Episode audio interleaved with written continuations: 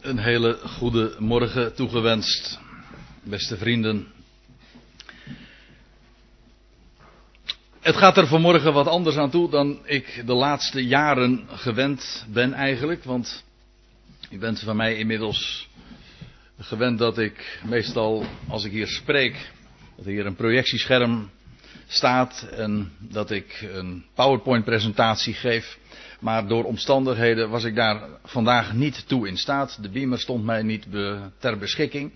Dus we gaan gewoon vandaag weer eens ouderwets gewoon dit boek openen. Ja, u hebt misschien uw Bijbeltje thuis gelaten. U dacht van nou, ik, die heb ik helemaal niet nodig, want het wordt allemaal straks keurig door André geprojecteerd. Niet dus.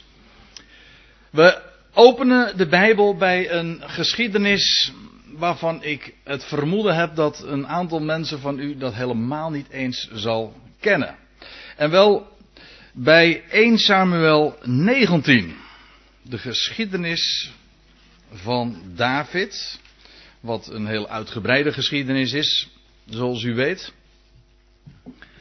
En we vallen dan, als we dat negentiende hoofdstuk hebben opgeslagen, midden in dat verhaal van David. En als ik zeg midden in de, het verhaal van David, dan bedoel ik dat eigenlijk vrij letterlijk. Want zoals u weet, en als u het niet weet, dan zal ik het u dan bij deze nog eens vertellen of eraan herinneren. Dat Davids leven eigenlijk in twee delen uiteenvalt. En wel dat hij in eerste instantie die herdersjongen was, daar uit de stad Bethlehem. Die zijn leven, weet u wel, inzette voor de kudde, voor zijn schapen. Ja, terwijl ik het zo formuleer, hoop ik dat u meteen al een beetje in de stemming komt. En dat u denkt van, hé, hey, dat klinkt wat dubbelzinnig. Ik moet dan aan een ander denken. Aan de zoon van David, nou dan bent u meteen goed. Maar die man, die jonge man uit, de, uit Bethlehem, die herdersjongen, die bovendien van Gods wegen gezalfd was, tot koning van Israël, maar het zou nog een hele tijd duren, voor hij daadwerkelijk koning werd over Israël. Onderwijl had hij overigens ook nog de grote overwinning behaald op de reus Goliath en voor Israël zo een grote, zo lees je dat in de Bijbel, een grote verlossing voor geheel Israël bewerkstelligd of gebracht.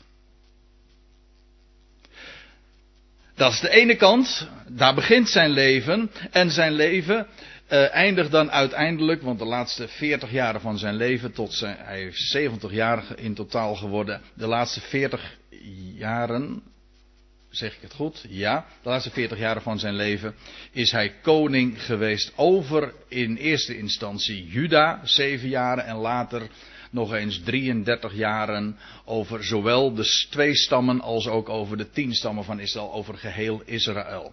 Zodat je dus aan de ene kant het plaatje ziet van, van David, die herdersjongen uit Bethlehem, die de grote reus had verslagen, die gezalfd was om koning te worden, maar dat zou nog een hele tijd duren. En aan de andere kant koning David. De grote koning, die niet alleen trouwens maar zijn heerschappij gevestigd heeft over Israël, maar ook een machtig rijk heeft verworven en ook vijandige volkeren heeft verslagen. Een geweldige koning en het, ik heb u al gezegd, dat moet eh, ook in, deze, in dit gezelschap geen geheim zijn, lijkt mij zo, dat hij daarmee ook een geweldig eh, illustratie is, een type is van de Heer Jezus Christus. David was een profeet, hij heeft ook heel veel gesproken, ook heel veel ons eh, nagelaten. Denk maar aan het boek De Psalmen.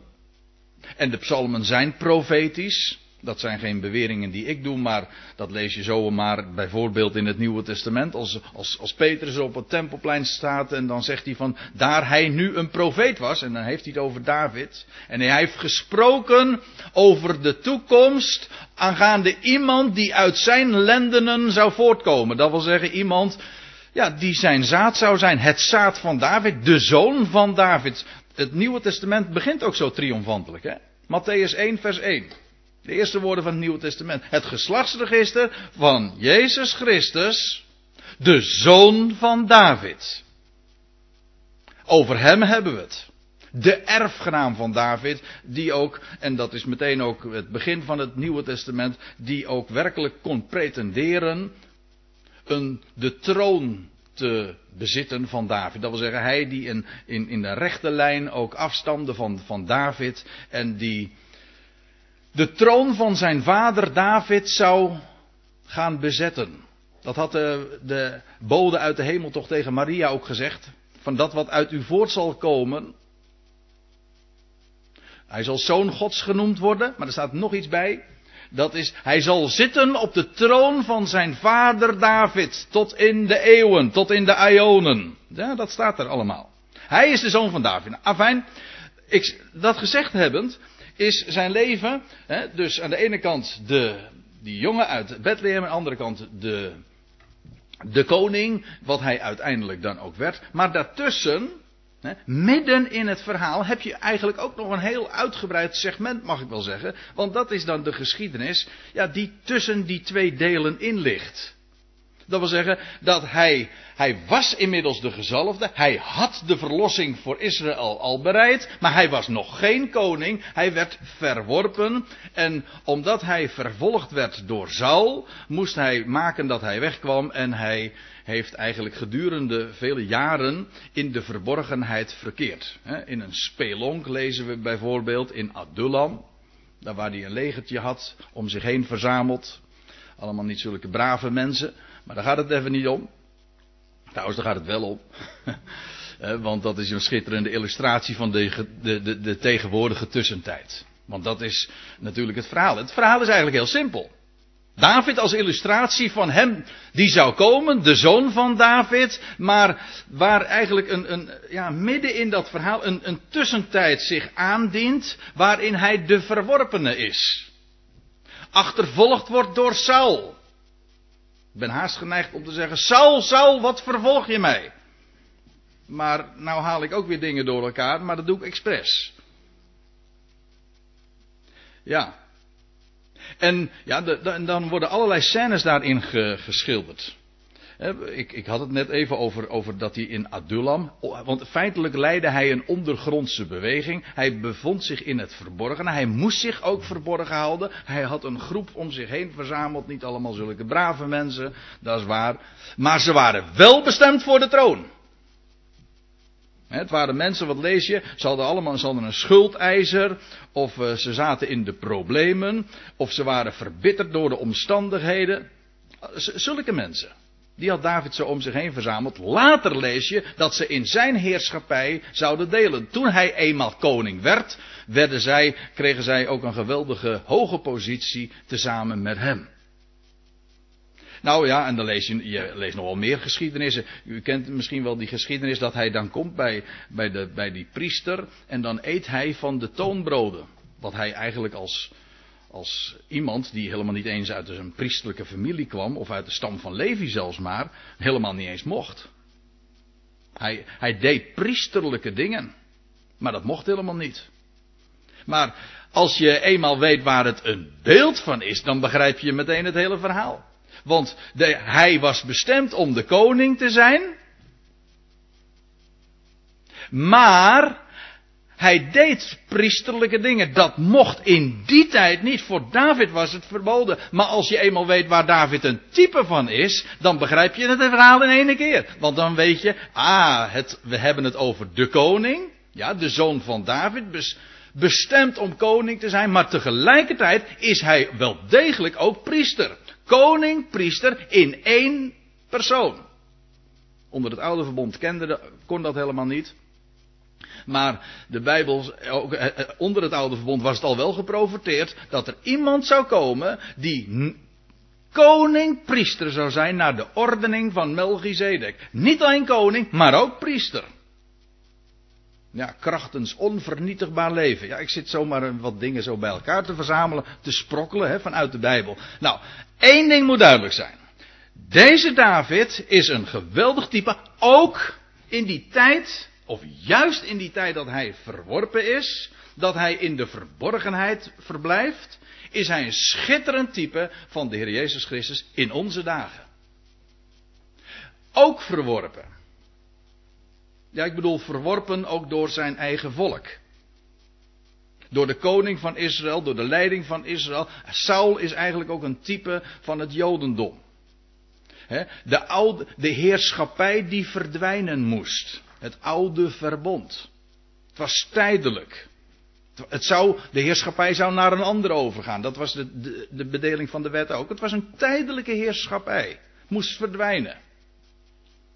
En ja, als we het dan toch over hebben. Saul. Hè, Saul is een. Als ik er dan meteen het Nieuwe Testament erbij betrek. Ik ken nog een andere Saul, we hadden het er al even over. Saulus, Saulus van Tarsus. Weet u, die kwam ook trouwens uit de stam van Benjamin. Net als de koning Saul die, die vervolgde ook, ja niet David, maar die vervolgde de zoon van David. En die Saulus van Tarsus, die zegt van zichzelf, ja hij zegt ik was, ik was, naar, de, ik was naar de ijver der wet volmaakt. Dat was, en hij, hij, was, hij had het in het Jodendom, zegt hij in Galaten 1, verder gebracht dan vele van zijn tijdgenoten. Hij was een exponent van het Jodendom, maar zo'n hartgrondige haat tegen de zoon van David. Dat wil je niet weten. Maar uiteindelijk is hij ook in zijn vel gepakt. En Sal werd, kwam ook onder de profeten. Die Sal. Ja, nou, terwijl ik dat zo allemaal vertel, gaan we nou maar eens even naar 1 Samuel 19. U weet waar we het nu over hebben. En eh, ik lees twee episodes. Twee scènes, twee bedrijven. En eigenlijk, ja, het valt allemaal in elkaar. Dat wil ik u laten zien. Uh, in vers 11 lees je. Ja, daarvoor lees je nog dat, dat, dat David voor de, voor de derde keer trouwens uh, ontkwam aan Saul. Maar deze. Daarvoor lees je nog over dat, dat David voor de derde keer ontkwam aan koning Saul, die hem aan de wand wilde spietsen, nadat hij Saul, David had liefelijke klanken voor hem voortgebracht, maar ze kwamen niet aan bij hem. Nou goed. Dan lees je in vers 11. En Saul zond boden naar het huis van David. om het te bewaken en hem des morgens te doden. Maar Michal, de vrouw van David, deelde hem mee. Indien gij vannacht uw leven niet weet te redden. dan zult gij morgen ter dood gebracht worden. En toen liet Michal David door het venster naar beneden. en hij ging op de vlucht en ontkwam. En daarop nam Michal de terafim, dat zijn de huisgoden, en legde die op het bed. Ze legde een net van geitenhaar aan het hoofdeinde daarvan en spreidde er een kleed over uit. En toen stond Saul bode om David te halen, maar ze zeiden, hij is ziek. En daarna stond Saul de bode om naar David te gaan zien, met het bevel, breng hem op het bed tot mij, opdat ik hem dode. En toen kwamen de boden binnen en zie, daar lag de terafim op bed met het, uh, met het net van geitenhaar aan het hoofdeinde daarvan. En Saul zeide tot Michal, waarom hebt gij mij zo bedrogen, dat gij mijn vijand liet gaan, zodat hij ontkomen is. Maar Michal zei tot Saul, hij zei tot mij, laat mij gaan, waarom zou ik u doden? Nou, laat ik eventjes hier pauzeren, want we gaan, ik wil straks nog even verder gaan in, in vers 18, maar Eventjes hier op inzoomen. Wat, wat staat hier nou eigenlijk? Nou, de geschiedenis is voor sommigen bekend, voor anderen misschien veel minder bekend. Maar kijk, uh, ook hier vind je weer een van die vele verhalen die, die in deze hoofdstukken een, als een refrein eigenlijk iedere keer weer terugkeren dat David weet te ontkomen. En in dit geval uh, is het Saul die David opspoort in zijn eigen huis. In het huis van David. En dan is het David die aangezet door zijn vrouw, want die, die was het een en ander ter orde gekomen. Hij weet dan uh, het vegenlijf te redden. Hij vertrekt niet via de deur. Want ja, Saul had een wacht eh, bij het huis gezet, dus uh, via de deur ontkomen was er niet bij. Hij moest een, een sluiproute nemen en via het venster ontkomt hij dan. En dan is het uiteindelijk een Michal die een, een, leugen bedenkt. En voor David iets, een, een nep David eigenlijk creëert. Want dat is het. iemand. Uh, sorry? Ja, eh, een beeld zet, inderdaad, een beeld van David. Uh, leg ze dan in bed. Nou, ik heb het zojuist gelezen. En dat zou dan de schijn moeten ophouden dat het inderdaad David zelf was. Maar in wezen wordt, wordt koning Saul, degene die hem achtervolgde, in een leugen achtergelaten. Wat, um, wat hij uiteindelijk zijn dochter, want Michal was niet alleen de vrouw van David, maar ook nog de dochter van Saul. Ja, ja, it's all in the family. Maar uh, dat neemt hij haar uiteindelijk ook uh, enorm kwalijk, wat Michal dan weer rechtvaardigt met opnieuw een leugen. Dus David zou gezegd hebben van ja, als je dat niet doet, dan dood ik je. Nou, dat lees je helemaal niet dat hij dat gezegd had.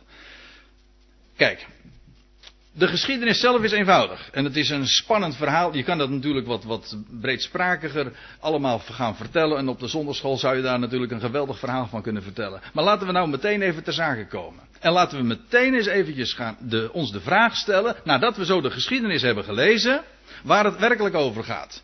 En houd de draad dan vast. Dat wil zeggen, bedenk dat het gaat over David, de gezalfde, de man uit Bethlehem, de grote overwinnaar, die een verlossing tot stand had gebracht. Jawel, en degene die nog koning moet gaan worden, daartoe ook voorbestemd is, het ook werkelijk zal worden, maar in de tussentijd wordt hij verworpen. Dat is de tegenwoordige tijd. En dan is de vraag, waar is David? David wordt gezocht. En in feite is dat ook precies ja, een uitbeelding van, van, van de tegenwoordige tijd, van de afgelopen 2000 jaar. Waar is de zoon van David? Want was het dan niet zo dat als de zoon van David zou verschijnen, dat hij zijn vrederijk zou vestigen in deze wereld en dat hij koning zou worden in Jeruzalem? En het is er niet van gekomen. Er blijkt nog een hele tijd tussen te zitten. En het Jodendom begrijpt er ook helemaal niets van. Hoe zit dat nou met dat huis van David? Hij zou toch in het huis van David moeten zijn? Het en eh, u, begrijpt het, dat is ook de dubbelzinnig. Want het huis van David, ja, dan kun je onder verstaan het huis waarin David woont, zoals hier in deze geschiedenis. Maar het huis van David in de Bijbel, elders, betekent dat gewoon het koningshuis van David. Gewoon de dynastie van David. De troon van David. Het huis van David staat voor de troon van David. En waar is hij nu? Waar is de zoon van David? Hij zou toch gewoon in het huis van David moeten zijn en moeten regeren vanuit Jeruzalem in Zion. Maar daar is hij niet. En dat is het grote probleem wat Jodendom ook heeft met de, de messiaanse pretenties van, die, die we vinden in het Nieuwe Testament. Ze zeggen, Jezus kan nooit de zoon van David zijn, kan nooit de beloofde Messias zijn. Want als de Messias komt, als de zoon van David komt, dan zal hij zijn koninkrijk vestigen in Jeruzalem. Nou, dan zal er een wereld komen van vrede en gerechtigheid. In de eerste plaats voor Israël, maar ook voor de hele volkerenwereld. Waar is hij dan? Nou, men zou maar kennis moeten nemen van, van, een, van de geschiedenis van, van zijn voorvader, namelijk van David, en zien hoe het werkelijk werkt. Ja, dit zijn typen, ik weet het, maar ook in de profetieën vind je dat. Er zou een tijd zitten tussen zijn, zijn eerste komst en zijn tweede komst. Waar is hij? Nou, niet in het huis van David. Eigenlijk is dat, is mooi hè. Hij is niet het huis van David, het, de dynastie van David. Zo spreken wij ook over het huis. Het huis is, niet alleen, is maar natuurlijk niet een, een gebouw. Maar het, mijn huis, ja, daar kun je verstaan, onder verstaan Stienplaats 17 in Rijnsburg. Maar mijn huis, dat is, hè, ik en mijn huis, wij zullen de Heeren dienen. Dat is mijn familie, mijn gezin. En als je praat over het huis van de koning, dan is het koningshuis. Maar dat is niet alleen maar dat paleis op Soesdijk of in Den Haag, waar is het? Nee, dat is het, de dynastie van Oranje. En het koning, het huis van David, die dynastie, die is momenteel vervallen. Of zal ik het met de woorden van dit, eh, van dit gedeelte zeggen? Het is verlaten.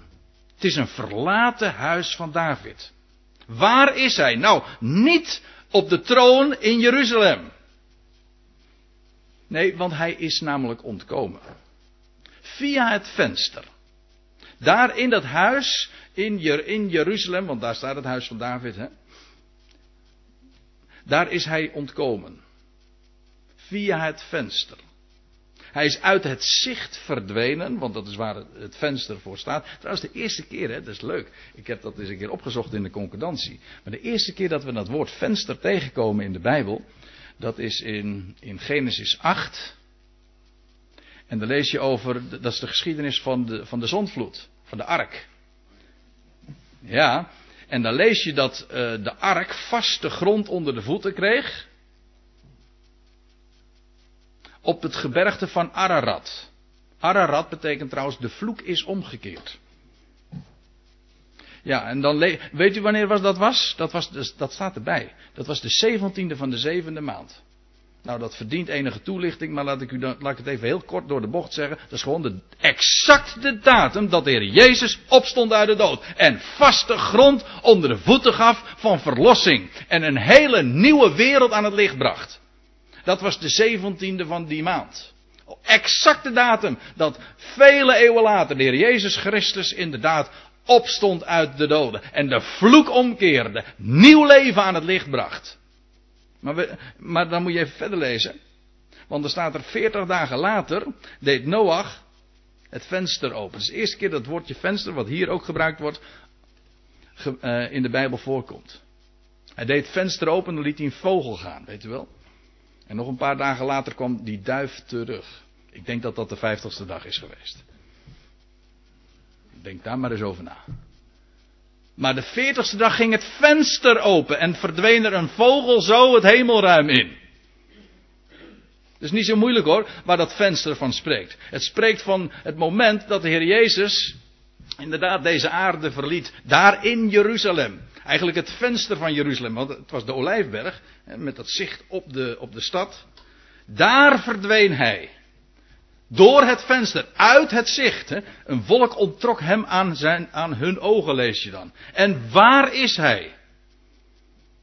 Nou, niet in het huis van David. Het huis van David, ja, dat ligt er momenteel verlaten en vervallen bij. Het heet niet voor niks de vervallen hut van David.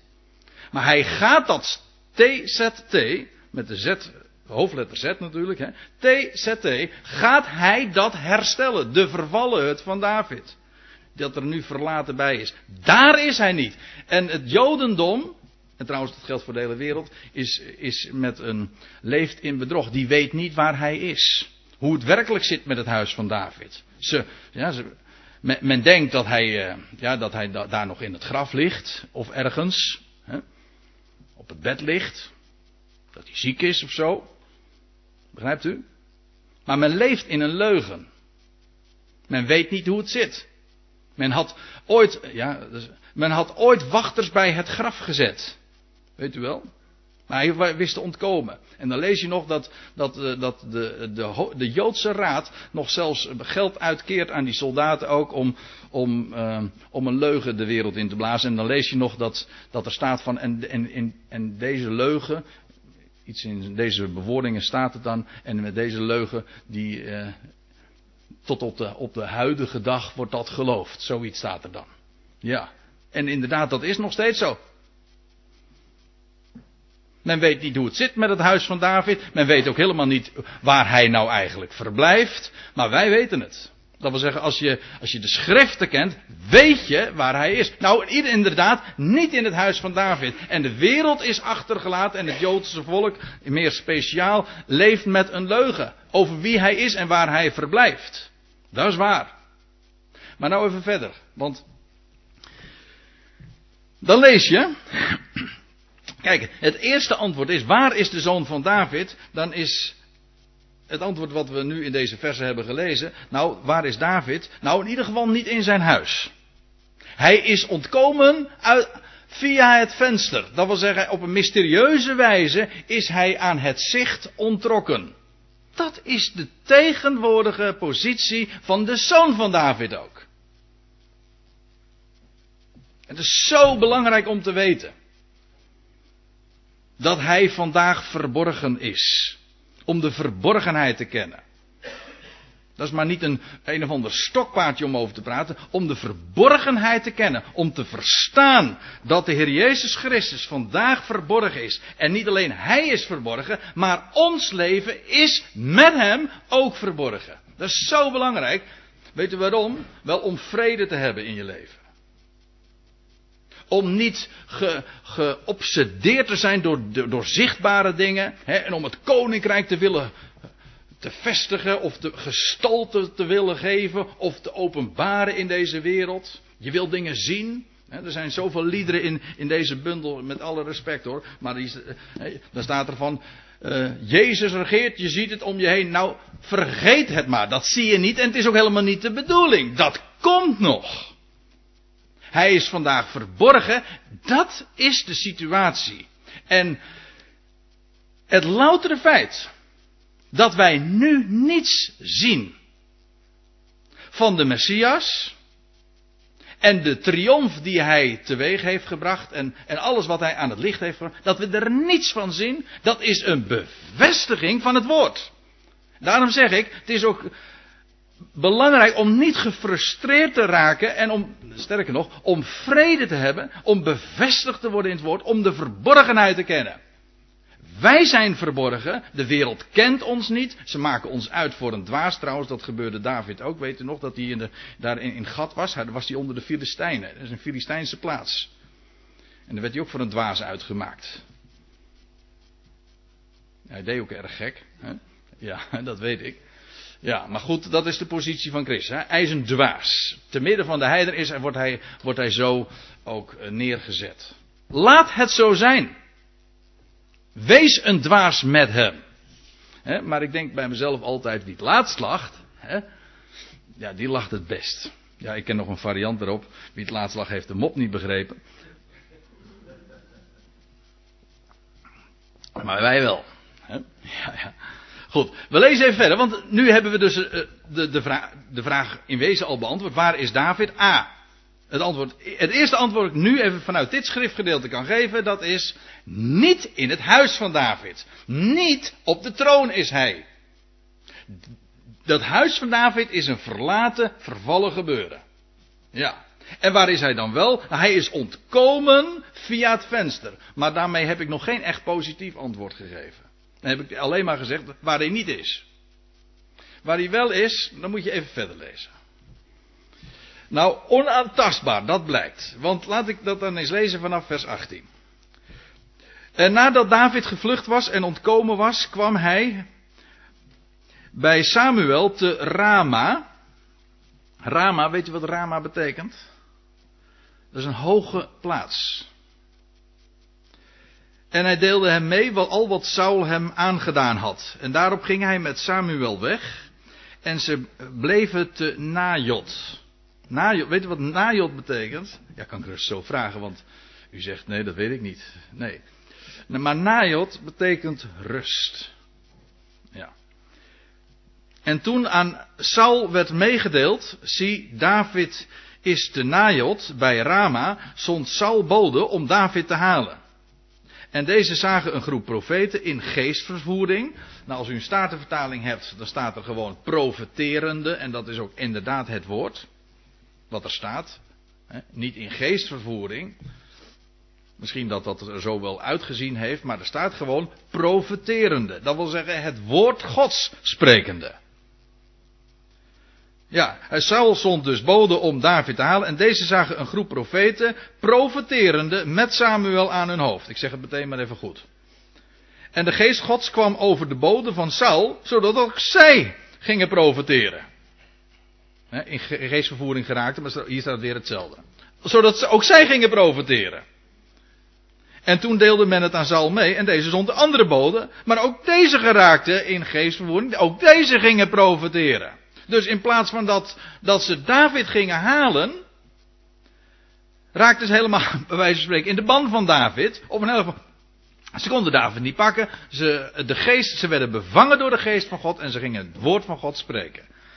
En, op, en dat aan het einde van vers 21. Opnieuw zond Saul boden, een derde groep. En ook deze geraakten in geestvervoering. Ook deze gingen profiteren. En toen ging hij zelf ook naar Rama. Bij de grote put te Seku, of Seku, betekent, nee niet Seku, uh, uh, nou, laat ik dan toch maar Nederlands zeggen, Seku. Uh, dat betekent overwinning. Of te boven komen. Of triomf. De grote put bij Seku gekomen, vroeg hij, waar zijn Samuel en David? En men zeide, zie te Najot bij Rama. En toen ging hij daarheen, naar Najot bij Rama.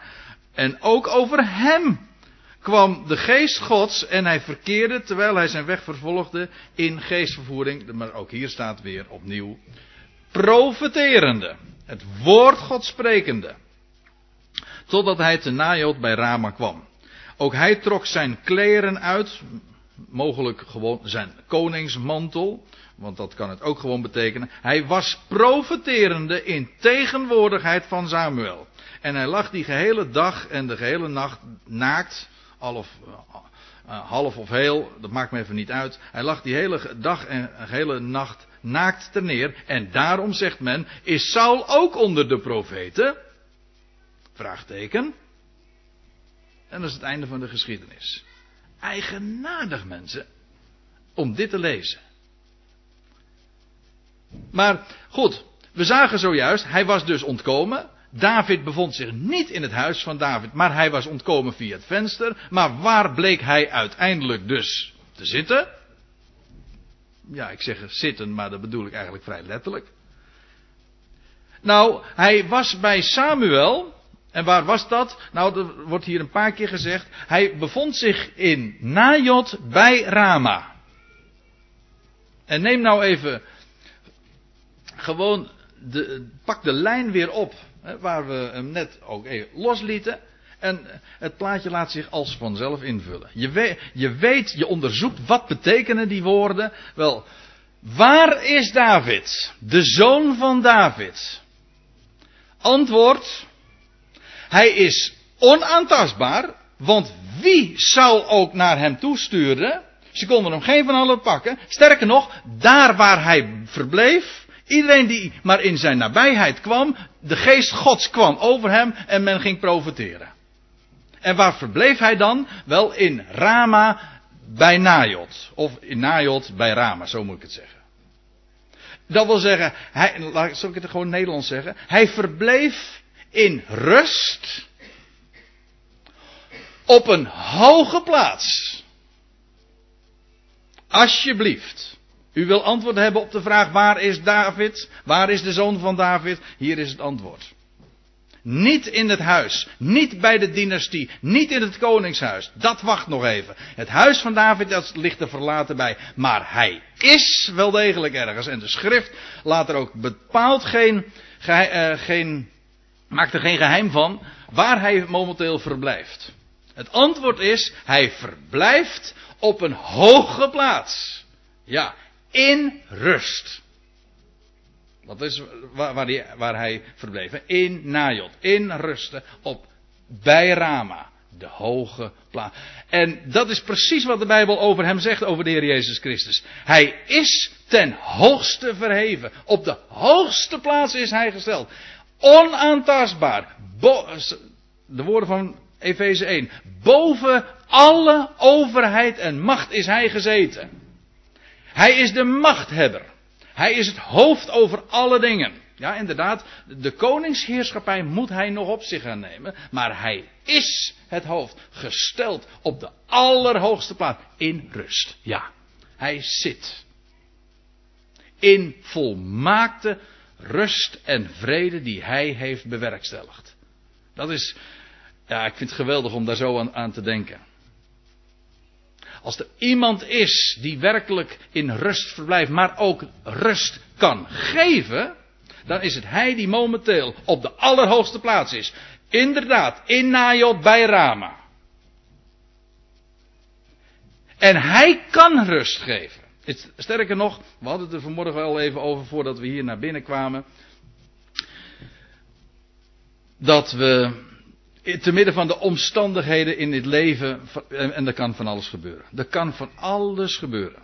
Van allerlei sores, en je kan vermoeid raken en belast worden met, met, zoveel, met zorgen.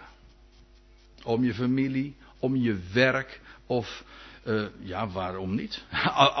Alles, alles kan als een last op je schouders liggen. Trouwens, ook godsdienst kan je belasten. Je geweten belasten. Of in onrust achterlaten. Hoe gaat dat met mijn familie?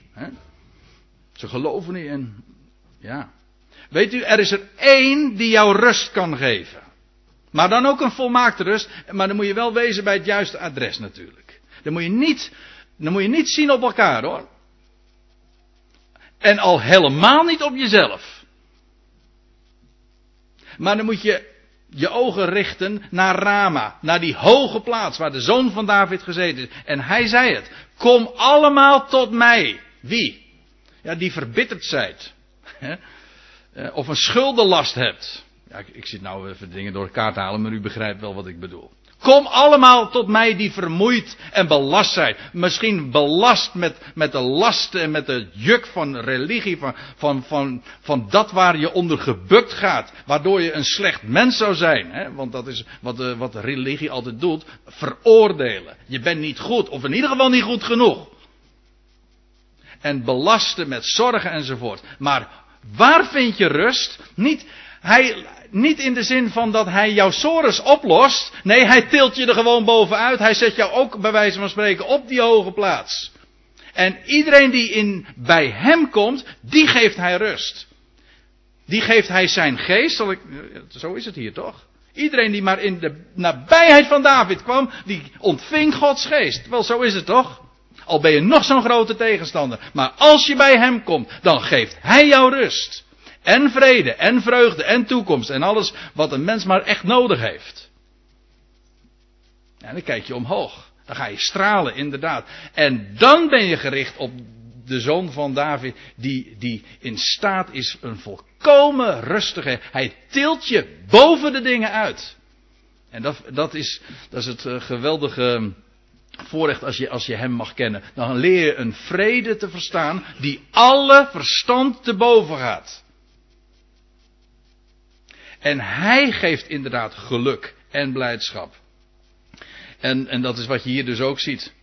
iedereen die, die bij hem kwam, die, die, die ontving Gods geest. raakte in geestvervoering staat er dan. Maar die, die werd bevangen door Gods geest, die ontving Gods geest en ging Gods woorden uitspreken. Zelfs de grootste tegenstander, als die uiteindelijk dan zelf ook komt, hè, nadat al die, die, die, die delegaties die David gevangen moesten nemen, eh, die, uh, ja, die kwamen niet meer terug. Hè. Die raakten allemaal in geestvervoering. En dan gaat op een gegeven moment Saul zelf. Maar zelfs Saul zelf ondergaat hetzelfde. De grootste tegenstander. En nou bedoel ik het weer dubbelzinnig. Dan komt hij bij de zoon van David. Of zal ik het beter. Eigenlijk is het dan omgekeerd. Hè? Dan komt de zoon van David bij hem. Saul, Saul, wat vervolg je mij? En dan wordt de grootste tegenstander. Inderdaad bevangen door Gods geest. En dan gaat hij. En dan wordt hij een mond van God. En dan wordt de vraagteken van dit gedeelte. Van het einde van dit hoofdstuk. Is Saul ook onder de profeten? Wordt ineens een, een levensgroot uitroepteken. Saul is onder de profeten. Sterker nog, de grootste profeet die ik in de Bijbel heb leren kennen, dat is hem aan wie het woord Gods is toevertrouwd om het onder de heidenvolkeren bekend te maken. Saul is onder de profeten. Hij die grote tegenstander, die de zoon van David vervolgde. Ja, maar toen hij daar in Ramot bij, uh, in Najot bij Rama kwam, toen was er geen ontkomen meer aan. Toen ontving hij de geest. Hij zegt later zelf. Ik heb het nu over Saulus van Tarsus. Dan zegt hij, hij zegt, de genade gods heeft mij overweldigd. Als een stortbui is het er over, over hem heen gekomen. Geen weg terug. Is geen, geen kwestie van vrije keuze. Ik heb voor Jezus gekozen. De genade. Hij had helemaal niet voor Jezus gekozen. Kom nou. Jezus koos voor hem. En Gods genade heeft hem overweldigd. Dat hij geen kant meer op kon. En zo werd hij een mond gods. En is het inderdaad het vraagteken van dit hoofdstuk, is een, een, een levensgroot uitroepteken geworden. Hij heeft het woord van God mogen verkondigen. Ja, het zit allemaal in zo'n eenvoudige geschiedenis, of geschiedenissen die je hier zo leest. Het, het richt de blikken onwillekeurig als je schrift met schrift gaat vergelijken naar hem die daar op die hoge plaats is gezeten. In rust. Hij zit. Het werk is volbracht. Volmaakt. En hij gaat alles tot een goed einde brengen. En dan ben je natuurlijk ook nog nieuwsgierig, want ik zie dat het ja, echt tijd wordt. Sorry. Uh, maar ik kan het niet nalaten, want dan heb je natuurlijk ook nog even de vraag van, ja, maar uh, wanneer komt hij dan weer tevoorschijn? Hè? Dan, zeg, dan, dan zeg ik van, ja, maar dan moeten we naar, naar het volgende hoofdstuk, naar hoofdstuk 20. Ja, ik, ik, ik laat u er hier gewoon even mee achter. Dan moet u dat zelf nog maar eens een keertje, dat hele hoofdstuk doorlezen. Zo mooi. Nou, bij een andere gelegenheid gaan we dat nog eens doen. Ja, want dan lees je van, van David en Jonathan ook zo'n prachtige geschiedenis. En mensen verstaan het niet. Weten waarom niet? Omdat ze gewoon helemaal uh, niet de schrift met schrift vergelijken. En om niet, omdat ze niet zien dat David een type is van de zoon van David. Want dan lees je van dat David. Nou, lees het maar na. Gewoon ik even in vers 5. Dan staat het er. Dan zegt David tegen Jonathan, ik ga de geschiedenis nou niet vermelden, maar het, het, ging er eventjes om dat David werd geacht uh, weer te komen bij, op de, ja, bij de koninklijke maaltijd van Saul. Hij was daar uitgenodigd. Ja, hij was uitgenodigd om aan des konings tafel te zitten. Maar dan gaat David zich excuseren. En dan zegt hij. Nou, vers 5. Hè? Uh, ik houd mij in het veld verborgen tot overmorgenavond. Maar als u een statenvertaling hebt, dan staat er. Tot de derde dag. Staat letterlijk. Ja, u zegt van dat is toch hetzelfde als overmorgen? Ja, maar kijk, dat, die vertalers hebben er volgens mij weinig van begrepen. Eventjes onder ons. Hè. Dat, eh. nee, het staat gewoon tot de derde dag. Tot de derde dag zou hij zich verborgen houden. Twee, ja, op de derde dag zal, hij, zal de zoon van David openbaar worden. En David excuseert zich. Hij zegt: In die tussentijd zal ik niet aan des konings tafel zitten. Nee, nee, geen koninklijke positie. Weet, weet, je wat je moet zeggen waar ik ben? Nou, hij zegt: Ik ben, ik ben, bij, bij mijn vader thuis. Een offerfeest aan het vieren. Ja, lees het maar eens na. Hij zegt: ik ben, ik ben bij mijn vader thuis een offerfeest aan het vieren. Ja, dat is niet daar op die hoge plaats. Hè? Het offer is gebracht. Er is een feest te vieren. En waar is hij nu? Nou, gewoon bij zijn vader thuis. En wanneer wordt hij dan openbaar? Antwoord op de derde dag. En dat is ook niet moeilijk om dat, om dat te verstaan. En daar, daar sluit ik dan echt mee af. Want hij komt weer inderdaad in de openbaarheid. Hij zal inderdaad zijn de belofte van God gaan vervullen. Met betrekking tot Israël, met betrekking tot Jeruzalem, met betrekking tot deze wereld. En met betrekking tot deze hele schepping. Hij gaat Gods belofte vervullen. En dat begaat, hij wordt openbaar op de derde dag. Ik hou mij verborgen tot de derde dag. Twee dagen van duizend jaar zal hij ontrokken zijn aan het oog. En dan gaat het gebeuren. En daarom leven we vandaag na die twee millennia van waar is de zoon van David? In zulke spannende tijden. Vandaag. Want hij zal namelijk uit de verborgenheid treden. Dan zal hij zich openbaren. Ik wil vragen om nu met elkaar om de ogen te sluiten en onze ogen naar Rama te richten. Die hoge plaats. Hemelse Vader, we danken u dat onze ogen daarop gevestigd mogen zijn. Op Hem die daar verheven is, boven alle overheid en macht, en de naam heeft ontvangen, boven alle naam, hoger dan de hemelen is Hij gezeten. En we danken u dat Hij daar in die toppositie zich bevindt en een volmaakte rust en vrede heeft aangebracht. Een grote verlossing heeft bereid. Ja, maar nu ook in rust verkeert. Er is geen werk meer te doen. Hij zit. Hij is gezeten omdat het werk volbracht is. En we danken u, Heer, dat we Hem mogen kennen die het offer gebracht heeft. Die ook alle reden heeft om nu in deze twee dagen, deze 2000 jaar, bij zijn vader thuis feest te vieren, omdat het grote offer is gebracht. Hij is degene die zijn leven gaf tot een losprijs voor alle, voor deze hele wereld. Het werk is volbracht. En hij is nu gezeten in rust. Hij leeft. Hij is de grote overwinnaar. Inderdaad, gezeten daar bij Seku, bij, de, bij die put van levend water. En Hij heeft de triomf aangebracht. En Heer, we danken u dat onze ogen daarop gericht mogen zijn. Dat we ons niet hoeven blind te staren op dat huis van David dat er momenteel verlaten bij ligt. Maar dat hij ontkomen is aan het, door het venster. Dat hij leeft. En dat hij een belangrijke dingen vandaag toch heeft te doen. En, in, en al is hij verworpen door deze wereld. En al is hij verworpen, vervolgd, nog steeds. Of wordt hij achterna gezeten, wordt hij niet geaccepteerd door het volk van Israël, het Joodse volk, door, deze, door de volkerenwereld. En is het een dwaasheid om dat te geloven? Niettemin, hij is daarboven verheven. En het duurt niet lang meer dat hij zijn positie zal gaan opeisen als de zoon van David. En Heer, we zien daar naar uit. We zien er naar uit wat u allemaal nog in petto hebt met ons. Met Israël. Met de volkerenwereld, met heel uw schepping. Want er is geen ontkomen aan. En we danken u, Heer, dat dat geen werk is van onszelf. Geen eigen keuze. Zelfs de grootste tegenstander weet u te overweldigen met uw genade. En Heer, we danken u voor dat, u, dat het waar is wat er in uw woord staat. Dat alle tong gaat, gaat getuigen en beleiden dat Jezus is Heer. En dat alle knie gaat buigen tot eer van God de Vader. En Heer, we, we prijzen onszelf gelukkig dat wij nu al weet daarvan mogen hebben. En dat we nu al een kanaal van zegen mogen zijn. Dat we gegroepeerd daar mogen zijn. In het, in het ondergrondse. Rondom de zoon van David. Inderdaad, niet in tel in deze wereld. Maar dat maakt niet uit. Onze tijd komt nog. Wie het laatst lacht, lacht het best. En Heer, we danken u voor die vreugde. Voor die toekomst die u voor ons hebt weggelegd. En we danken u voor de genade die we hebben leren kennen. En zo willen we ons, willen we ons bij u aanbevelen. Aan het woord van uw genade. Geef eer dat we ons daarin elke dag weer opnieuw verblijden. Opzien naar boven. En zo ook rust en vrede in het hart werkelijk zullen hebben.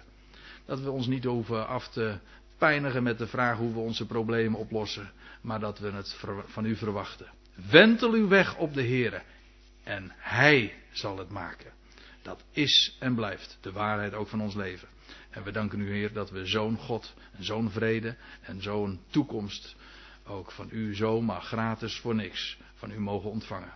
En Heer, we danken u nogmaals in de naam van uw Zoon, de Heer Jezus Christus, de Zoon van David. Amen.